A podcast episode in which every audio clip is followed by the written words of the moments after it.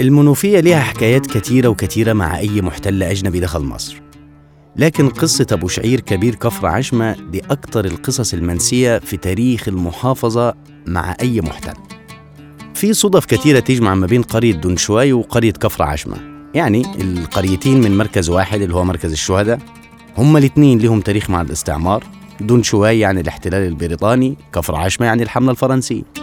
الفرق بس إن حادثة كفر عشمة ما كانتش في مأساوية دنشواي أبو شعير كبير كفر عشمة قرر إنه يعمل هزايم متتالية للحملة الفرنسية من وقت ما دبت رجلها مصر الوجه البحري. هاجم الثكنات التجمعات العسكرية كل مكان وخد من المنوفية قاعدة للتحركات بتاعته.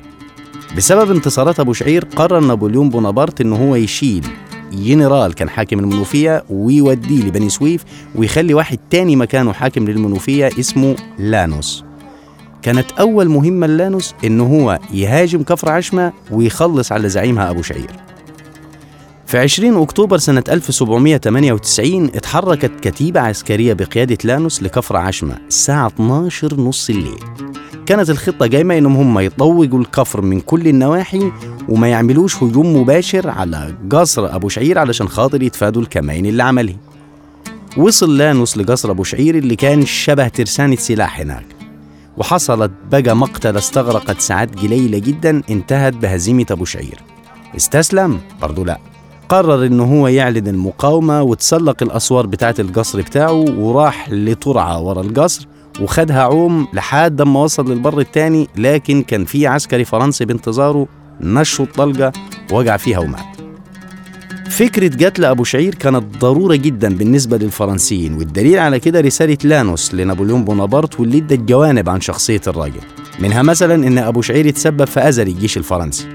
كمان هو ما تعاملش مع العثمانيين ولا المماليك في طلب المساعدة وده اللي خلى المصريين يحبوه أكتر. كمان هو ما كانش في احتياج لا للمماليك ولا للعثمانيين علشان خاطر هو من أثرياء الوجه البحري.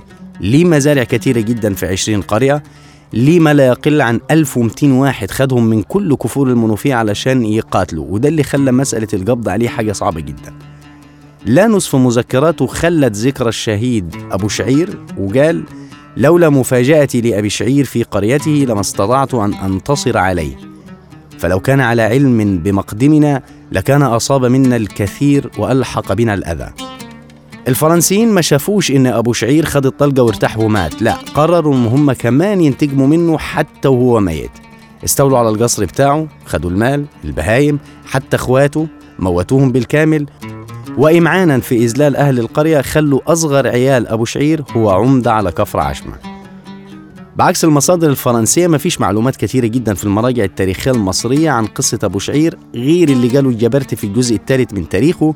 لما قال ضربوا كفر عشمة وقتلوا كبيرها المسمى بن شعير ونهبوا داره ومتاعه وبهائمه وكان شيئا كثيرا جدا وأحضروا إخوته وأولاده وقتلوهم ولم يتركوا منهم سوى ولد صغير جعلوه شيخا عوضا عن أبيهم.